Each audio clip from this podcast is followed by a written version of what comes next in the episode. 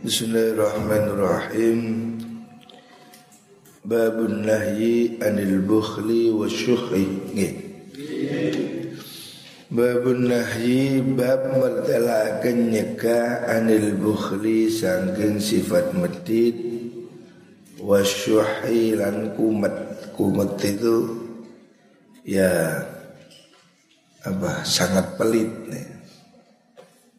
Syuh Qala daw Allah taala wa amma man bakhila wastaghna wa kadzdzaba bil husna fasanuyassiruhu lil usra wa amma man ana pun wong bakhila kang bakhil sapa man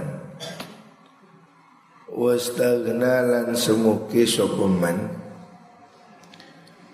amri semuki sapa man wa kadzdzaba lan gorohaken sapa man?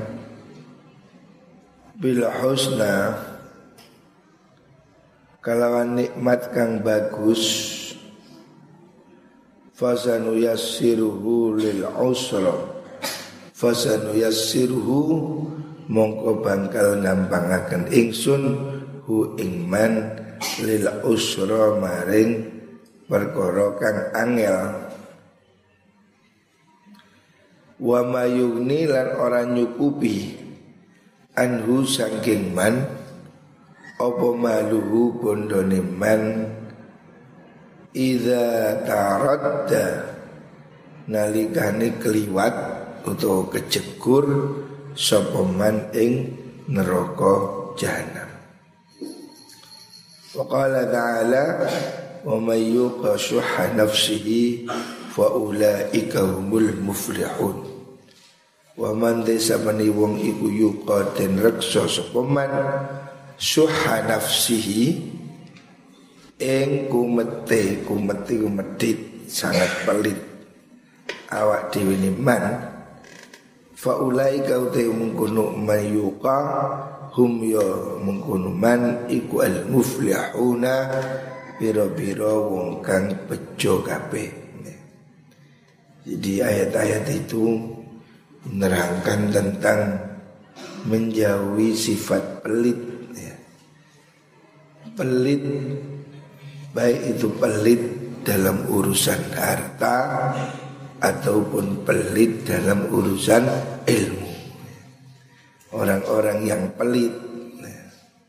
orang-orang yang tidak memberikan apa yang harusnya dia lakukan dan mendustakan nikmat-nikmat Allah fasanu yassiruhu lil usra. Maka dia akan jatuh dalam kesulitan. Jadi pelit tidak akan menambahi dia rezeki. Pelit justru akan membuat dia semakin ruwet repot. Wan Jabir dan sang sahabat Jabir anna Rasulullah sallallahu alaihi wasallam Qala dawu sapa Nabi ittaqu zulma. Ittaqu wetiyo sira kabeh az-zulma ing penggawe zalim. Jauhilah perbuatan zalim kepada siapa pun. Islam ini mengajarkan kebaikan bahkan kepada hewan sekalipun. Menyembelih umpamanya harus dengan pisau yang tajam. Jangan berbuat zolim ya.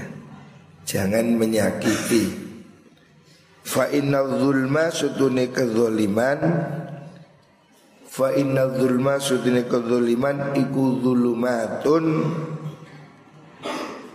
Fa inna zulma Sutune kezoliman Iku maksudnya Kezoliman di dunia Iku zulumatun piro-piro kepetengan. Perbuatan zolim di dunia itu akan membuat gelap. Akan membuat kamu menjadi gelap. Kamu akan menjadi tersesat dalam kegelapan yaumal kiamati ing dalam dino kiamat. Di hari kiamat perbuatan zolim akan membuat kamu menjadi tersesat dalam kegelapan. Bagaimana kalau di akhirat gelap? Di dunia aja Kalau gelap kita tidak bisa Melakukan apa-apa. Di tempat, di rumah Yang kita udah paham Lampu mati Kita tidak bisa Berbuat sesuatu. Apalagi di akhirat Tempat yang kita tidak kenal Kalau gelap Bagaimana susahnya? Watakulan watiyo siro Matiyo siro Asyuha Ing kumat. Jauhilah Apa itu namanya? Kumat. Kumat ini maksudnya Sikap pelit yang berlebihan. Jangan jadi orang pelit kikir Terlalu perhitungan Jangan jadi orang yang kumat Sangat pelit. Fa inna syuha Setuhungi sifat kumat Sifat pelit. Iku ahlaka ngerusak. Iku ahlaka ngerusak apa syuh? Man ing wong Karena kang ono sapa man? Iku qabilakum ing dalem sak turungi sira kabeh. Sifat pelit itu membuat kehancuran. Sifat pelit itu yang membuat orang saling bunuh Saling iri, saling perang. Karena masing-masing sangat pelit Sangat perhitungan pada yang lain. Makanya Rasulullah Shallallahu Alaihi Wasallam menyuruh kita jauhi sifat pelit. Ojo medit-medit. Orang pelit tidak disukai orang. Apalagi sebagai pemimpin. Tidak boleh pelit. Pelit ini watak. Kalau orang itu sudah pelit Pada dirinya juga pelit.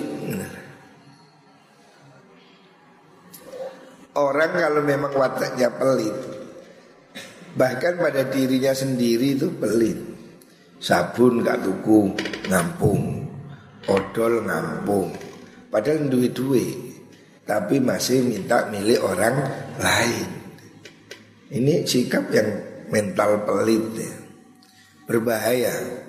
Orang-orang zaman dahulu itu Dengan sifat pelit itu mereka perang.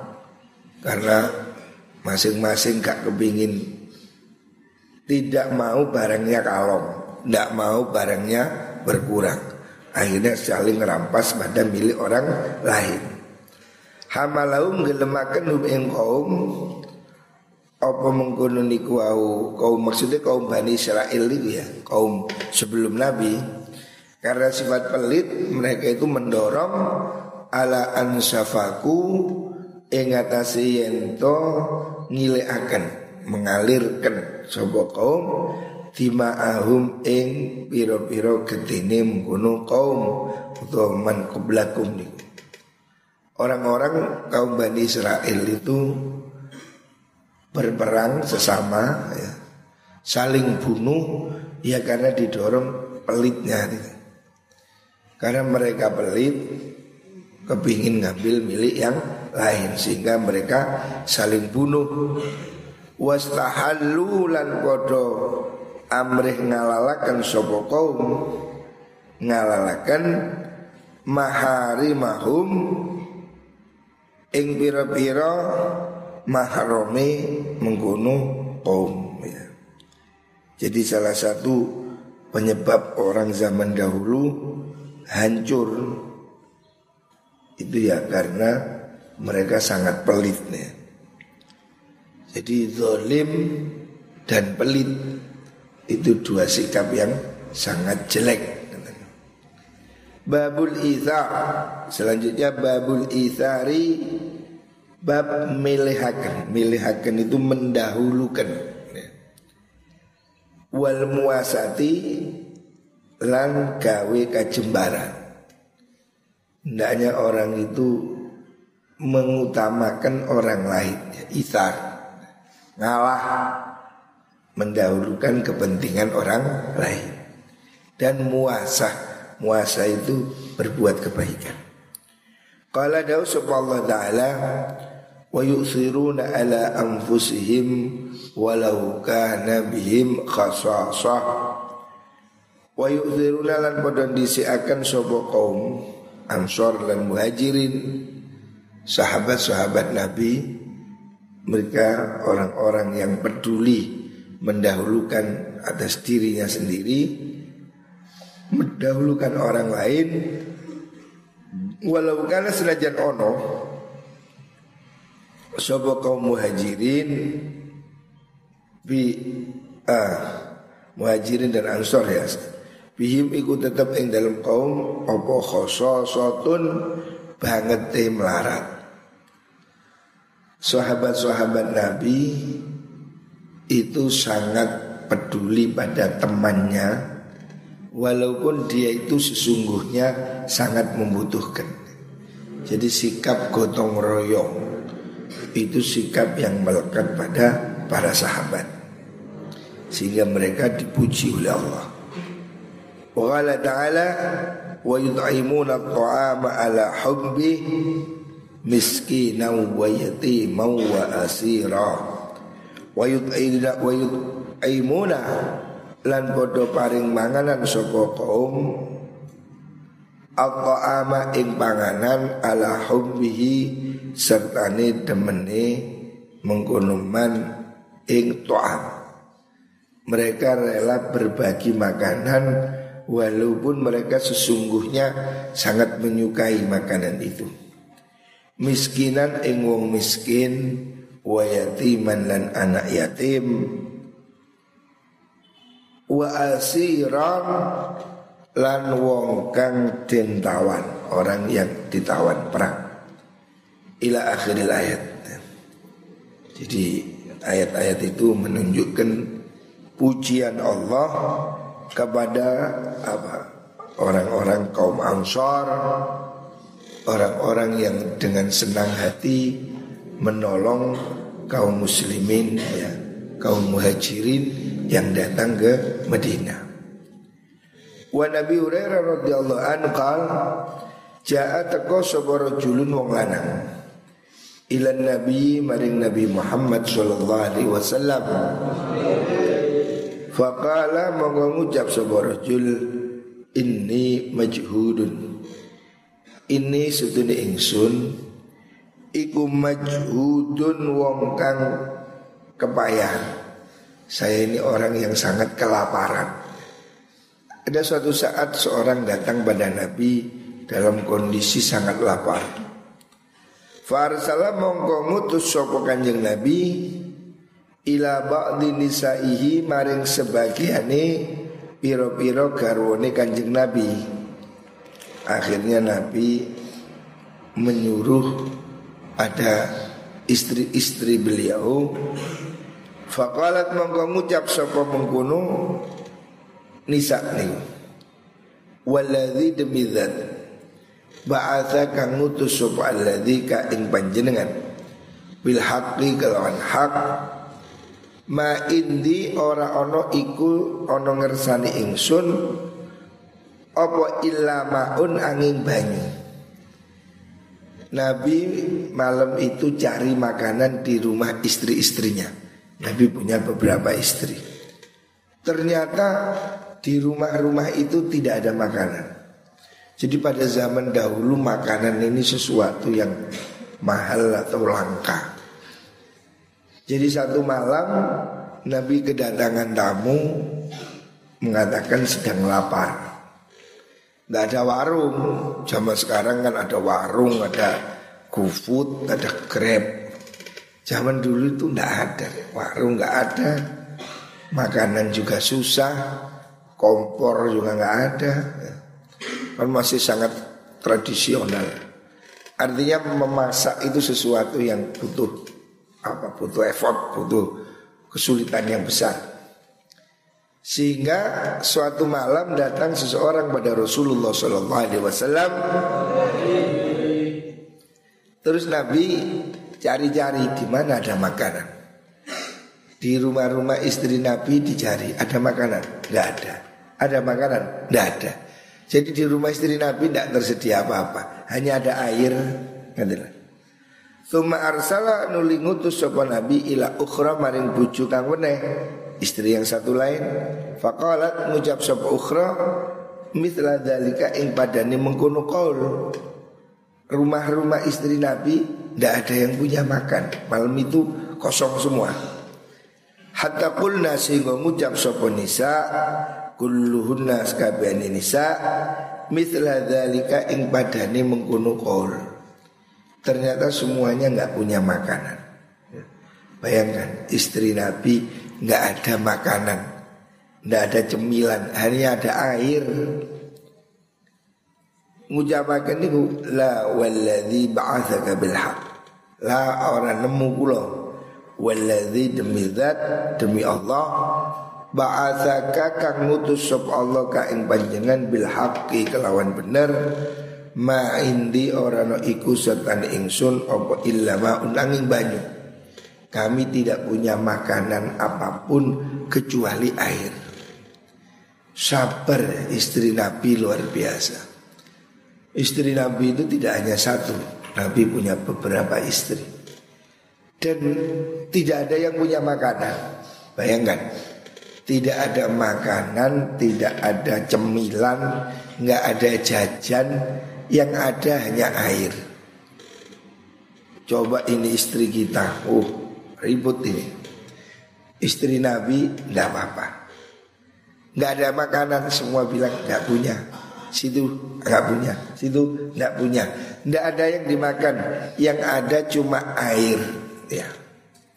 Faqala mongko dawuh Rasulullah sallallahu alaihi wasallam May yudhifu hadzal laila man utai sapa iku yudhifu bisa nyugui sapa man hadzal laila ing dalem iki lawal wengi rahimamuka mengelasihu ing mansub Allah Allah karena Nabi cari di rumah-rumah gak ada makanan akhirnya oleh Nabi diumumkan ada sahabat. Ayo, siapa yang malam ini bisa nyugui orang ini? Ya. Jadi di rumah Nabi tidak ada makanan. Tetapi Nabi tetap berusaha menolong. Ya. Begitu peduli sikap kanjeng Nabi. Di rumah nggak ada makanan. Semua istri dicek nggak ada nasi, nggak ada kue, nggak ada kurma, hanya ada air. Nabi tidak berhenti di situ. Ini loh kanjeng Nabi. Di rumah nggak ada, terus Nabi mencarikan. Dicari sahabat ditanya, eh siapa punya makanan? Siapa yang bisa nyugui orang ini? Tamu ini. Fakola moga ngucap seporo julun wong lanang minal ansori sanging kaum ansor yang namanya itu Abu Talha. Ada yang mengatakan namanya itu Sabit bin Qais Arjul seorang itu dari kaum Ansor. Ana ya Rasulullah. Ana ingsun ay ana udhifu. Saya Nabi yang bisa nyugui ya Rasulullah. Fantalaka mongko budalan sapa mengkuno rajul bihi kelawan mengkuno dhaif ila ra'lihi maring pondokane maring omahe mengkuno rajul. Nabi umumkan di masjid, ayo siapa yang punya makanan? Ini ada tamu, siapa yang bisa nyuguh dicarikan. Akhirnya ketemu ada sahabat Ansor, ada yang mengatakan itu namanya Abu Talha, ada yang mengatakan itu sahabat Sabit bin Qais. Dia berdiri mengatakan Nabi, saya ada. Ya sudah, bawa ulang ikut dia. Faqala mongko ngucap sapa rajul limraatihi maring bojo wadone rajul akrimi mulya nasira. Dhaifa Rasulillah ing tamune Rasulullah sallallahu alaihi wasallam. Suaminya bilang, istriku ini muliakan ada tamu. Tamunya kanjeng Nabi, carikan makanan apa yang ada ini. Ternyata di situ ya ada cuma makanan sedikit. Wa riwayatin dalam riwayat kang liya kala ngucap sapa rajul limraatihi maring bojone rajul hal indaki syai. Hal indaki ana ta iku tetep ing dalem sertane cirawaton syai'un utai suci-wici sahabat ini tadi nekat. Nabi saya oh ya sudah ajak pulang. Sampai di rumah dia baru ngecek. Kalau zaman dulu belum ada handphone. Baru sampai di rumah dia ngomong eh istriku ada apa di rumah? Punya apa? Faqalat ngucap sebuah mar'ah Lah orang-orang Tidak ada makanan. Illa kuta sibiyani Angin pirot panganane Bocah ingsun. Yang ada cuma makan anak-anak. Jadi di rumah sahabat itu ternyata juga nggak ada makanan. Yang ada cuma makanan kecil untuk anak kecil. Artinya makanan yang ringan. Snack umpamanya. Kala ngucap sapa mengkono rajul alilihim alilihim alili itu maksudnya nggawe hiburan sira ya. Atau ngereko-ngereko taklil. Aturan nah, cara bahasa Jawa itu aturan hibur mereka. Artinya istrinya bilang ini di rumah ada makanan cuma sedikit Mau dimakan anak-anak Artinya tidak ada kelebihan. Hanya ada makanan dikit Umpamanya cuma satu piring Jatai arek-arek. Suaminya bilang Wis anakmu aturan. Artinya anaknya itu Selimurno no Apa Selimuran Hiburan Supaya dia nggak makan. Makanannya mau dikasihkan ke tamu. Bayangkan. Jadi di rumah itu ternyata hanya ada makanan sedikit Jatahnya anaknya. Suaminya bilang wis anakmu hiburan Anakmu aturan. Ini makanan kasihkan ke tamu. Bisain kan suwiji-wiji Wa idha aradulan narikani ngarepakan Sopo mengkono sibihan Al asya'a ing manganan wengi Makanan sore, makan malam Fanawimihim mongko sira him ing subyan saking kepinginnya nyugui tamu orang ini bilang sama istrinya dik anakmu aturan beri dia hiburan supaya dia nggak makan makanannya berikan sama tamu anak itu segera tidurkan dididurkan supaya nggak minta makan ya. jadi dia ngalahkan makan anaknya demi untuk memberi makan tamu. Wa idza dakhala nalikane mlebu sapa dhaifuna tamu kita. Kalau tamunya masuk fatfi'i mongko matenono sira asiraja ing lampu damar. Nanti kalau tamunya sudah masuk lampunya dimatikan wa arihi lan muruhno sirahi ing dhaif Anas kita ikut nak kulu mangan kita Jadi ini bersandiwara Nanti kalau sudah waktunya makan Lampunya kan waktu itu belum ada listrik. Ada lampu apa cempluk. Lampu kita matikan Kita pura-pura makan. Karena dalam gelap kan tidak kelihatan. Padahal yang ada makanan itu cuma sak piring untuk tamu. Tapi ini suami istrinya itu pura-pura ikut makan. Padahal tidak ada yang dimakan. Lampunya dimatikan. Sampai bersandiwara. Supaya kelihatan dia makan Supaya tamunya senang mengira dia sedang diajak makan bersama. Padahal tuan rumahnya ini tidak makan Cuma pura-pura makan. Demi supaya tamunya mau makan. Sebab kalau lampunya dinyalakan Tamunya tahu Makanannya cuma sak piring kecil. Nggak tega. Berarti tiga orang. Makanya suami istri ini pura-pura makan Lampunya dimatikan Padahal dia tidak makan apa-apa Lapar Nasinya diberikan tamu. Faidah ahwa Faidah ahwa dalikane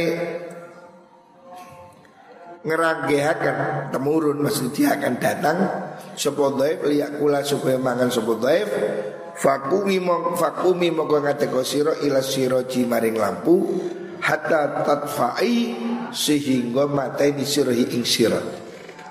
Jadi mereka mengatur sandiwara. Nanti kalau tamunya masuk mau makan lampunya matikan. Sehingga makan dalam gelap. Tamunya tidak tahu kalau makanannya cuma sedikit cukup untuk tamu saja. Wa qa'adulan lunggu sapa mengkono kabeh niku wau? Rajul dhaif imro'ah niku. Wa akalalan mangan sapa dhaifu tamu. Tamunya makan. Suami istri tuan rumah ini tidak makan lampunya dimatikan dia pura-pura makan. Wa batalan sewengi-wengi sapa mengkono rajul lan imro'ah tawiya ini halikang keluen karuni mereka ini sama-sama lapar Tidak makan Demi untuk bisa memberi makan orang lain. Jadi para sahabat dulu Seperti itu Bagaimana mereka sangat menghormati tamu. Sampai dia rela nggak makan Asal tamunya makan. Nggak ada sifat egois sama sekali. Falamma asbaha semangsani manjing isu. Falamma asbaha semangsani manjing isu Sopo mengkuno daif Goda Budalan sopo karuni Zaud lan niku daif Ala nabi ingatasi Nabi Muhammad Sallallahu alaihi wasallam Besoknya mereka habis makan Tidur Besok pagi ketemu kanjeng Nabi Faqala mongko dawu sapa Kanjeng Nabi laqad ajibah. Laqad ajibah teman-teman gawok. Allah itu ya sangat bangga. Maksudnya gawok itu Allah senang. Min soni ikuma Min soni ikuma sangking penggaweane sira luru. Gusti Allah diberitahu oleh malaikat. Jadi mereka belum cerita, kanjeng Nabi sudah tahu kejadian drama orang tidak makan demi memberi makan tamu. Jadi tamu itu diberi makan, tuan rumahnya lapar, nggak makan. Sampai besok pagi. Begitu pagi mereka datang menghadap kanjeng Nabi. Tanpa diberitahu, Nabi sudah tahu. Karena Nabi diberitahu oleh Gusti Allah. Orang yang tidak makan demi beri makan tamu ini Langsung disapa oleh kanjeng Nabi. Qad ajiballah min soni ikuma Allah sangat heran atau senang Dengan apa yang kamu lakukan tadi malam. Bidhaifikuma sebab oleh nyugui siroluru Nyugui alailata ing dalem mau bengi. Muttafaqun alaih ini hadis sahih muttafaqun alaih. Artinya Rasulullah Shallallahu Alaihi Wasallam mengetahui kejadian tadi malam bahwa ternyata sahabat Sabit bin Qais atau sahabat Abu Talha itu ternyata berusaha ngoyo ya, berusaha makso memberi makan orang padahal mereka sedang lapar. Jadi makanan pada saat itu sangat terbatas. Jarang orang punya simpenan kayak apa gudang itu jarang sekali. Orang hanya makan pas-pasan. Lah kejadian pada malam itu bagaimana seorang sahabat Rasulullah Shallallahu Alaihi Wasallam ada sahabat datang dalam keadaan lapar Mertamu ke kanjeng Nabi Terus terang Dia orang dahulu terus terang Dia minta makan. Nabi berusaha Nabi berusaha mencarikan makanan di rumah istri-istrinya nggak ketemu. Setelah itu oleh Nabi dicarikan siapa yang bisa ngasih makan. Ternyata ada sahabat namanya Abu Talha atau Sabit bin Qais yang memberi makan. Ya sudah sanggup dibawa pulang. Ternyata di rumah tidak ada makanan, yang ada cuma sepiring kecil yang jatahnya anaknya. Tapi anaknya sudah makan. Ya, tapi sedikit sekali. itu dibuat nyugui tamu tuan rumahnya suami istri itu tidak makan hanya bersandiwara pura-pura makan lampunya dimatikan demi untuk bisa memberi makan tamu lah kejadian itu tanpa diceritakan langsung Allah tahu. Allah memberitahu kanjeng Nabi Besok paginya Nabi memuji mereka. Kamu luar biasa. Kamu tadi malam sudah bersandiwara Tidak makan Pura-pura makan Demi untuk menghormati tamu. Makanya menghormati tamu ini bagian dari akhlak mulia umat Islam Jadi kita ini punya tradisi mulia tugas menghormati tamu, menghormati tetangga. Dalam contoh hadis ini menunjukkan betapa sahabat Nabi itu sedemikian peduli pada orang sampai dia rela nggak makan. Beda dengan hari ini betapa manusia rebutan bahkan sampai ngambil makanan orang lain. Orang-orang egois Orang-orang berusaha mengambil jatahnya orang. Kalau sahabat Nabi enggak. Sahabat Nabi itu malah justru kepingin beri makan orang walaupun dirinya sendiri lapar. Bahkan diceritakan dalam perang Uhud itu sebuah kisah yang sangat mengerikan. Ada tujuh orang terluka habis perang. Tujuh orang terluka jejer-jejer. Kemudian ada seorang datang bawa air satu gelas mencari keluarganya. Bawa air, tidak ada apa-apa. Begitu air ini dibawa, diberikan cari saudaranya, ini saudaranya sedang terluka, terkapar. Mau dikasih minum ini, air minum. Dia tidak tega minum. Dia bilang apa? Lihat sebelah saya, kayaknya dia sedang kehausan. Mungkin dia lebih butuh. Dia sendiri sedang terluka kehausan, tidak mau minum, disuruh berikan temannya. Jadi gelasnya tidak kasih sebelah saya, itu kayaknya orang sedang sedang kesakitan, bawa gelas ke situ. Dia juga nggak mau minum. Iya saya haus, tapi lihat sebelah sana, itu sebelah saya ada orang yang lebih haus, diberikan ke sana. Di situ juga nggak mau nerima, padahal dia juga sedang terluka. Berikan sebelah saya. Sampai air ini berkeliling kepada tujuh orang, tidak ada yang berani minum. Semuanya ingin mendahulukan yang lain. Ketika sampai yang nomor tujuh sana nggak mau minum, kembali ke sini, yang sini sudah mati. Ini mati, ini mati, tujuh orang mati semua. Karena sama-sama tidak berani minum demi untuk mendahulukan yang lain. Jadi seperti itu apa kesetia kawanan sahabat Nabi. Mereka dalam posisi yang sangat kehausan, sangat butuh, tapi mereka tetap mendahulukan orang lain. Makanya mereka dipuji dalam Al-Qur'an wa yu'thiruna ala anfusihim walau kana bihim Mereka itu sangat butuh tapi mereka tetap mendahulukan orang lain. Ini sikap yang mulia ya.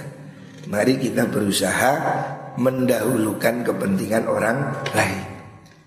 Asalkan ya jangan pada posisi yang berlebihan ya. Ya pada contoh sahabat itu luar biasa. Tetapi bukan berarti kita harus plek. Nah, enggak, tidak harus sedemikian. Ya minimal kita berilah berbagilah dengan orang lain. Artinya kita tidak harus ya. Anaknya lapar Nasinya diberikan orang. Anak tanggungan kewajiban kita Harus didahulukan dari yang lain. Tetapi kalau itu pribadi kita Ngalah sama orang Itu lebih bagus. Kalau kamu mau ngalah Dengan temanmu Itu lebih bagus. Tapi tapi kalau kamu punya kewajiban Kamu punya anak Ya anakmu itu yang harus kamu dahulukan Jangan kamu dahulukan orang lain Ngalahkan keluargamu sendiri Kamu ngalahkan itu untuk dirimu Itu yang bagus ya.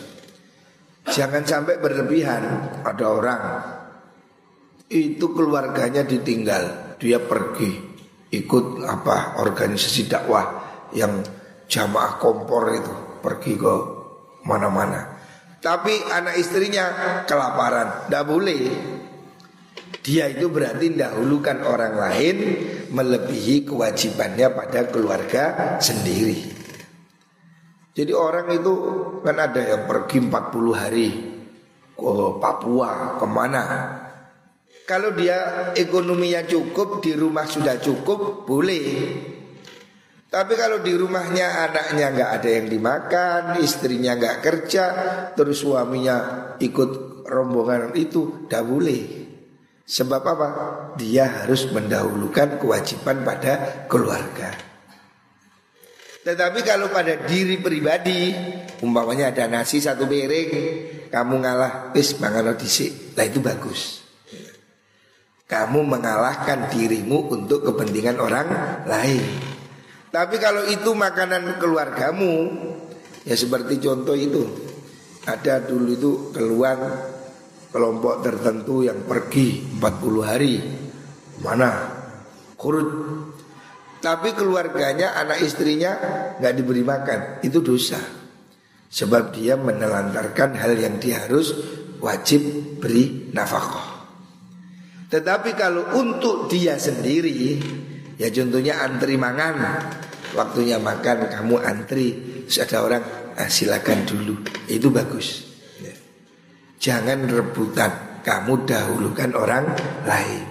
Umpamanya kamu ngalah Kamu sudah antri Ada anak kecil. Eh disi oh. Itu bagus. Ojo sing gede malah Ngerayah disi Sing gede ngalah Dahulukan anak kecil-kecil sing tuwek-tuwek yo mburi ngono. Nah, itu bagus. Biasakan mendahulukan orang lain. Ini di mana pun, di jalan juga kamu naik kendaraan, ada orang mau nyebrang, berhenti mandeko, beri dia kesempatan. Jangan egois, jalan rapat, kamu mau maju, akhirnya macet, gak gelem laku. Ini dia melaku, ini dia melaku. Kalau saya ngalah, ya mampet.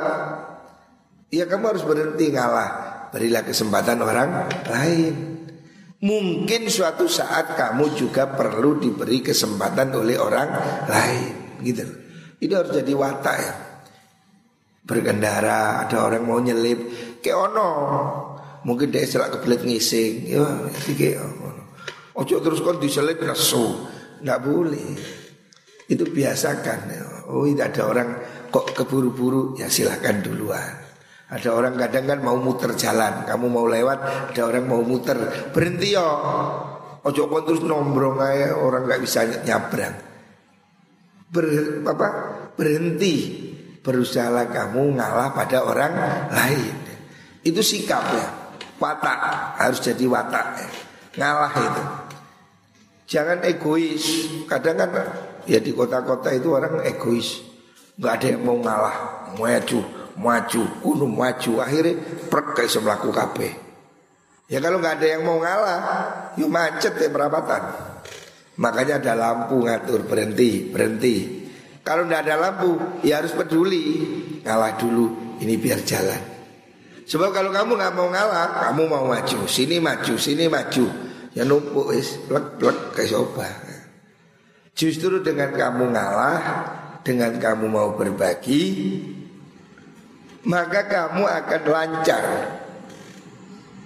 Sifat manusia yang egois itu membuat dia sulit. Ya. Pernah ada satu kelompok seperti ini. Setiap orang diberi pelembungan. Ngerti pelembungan?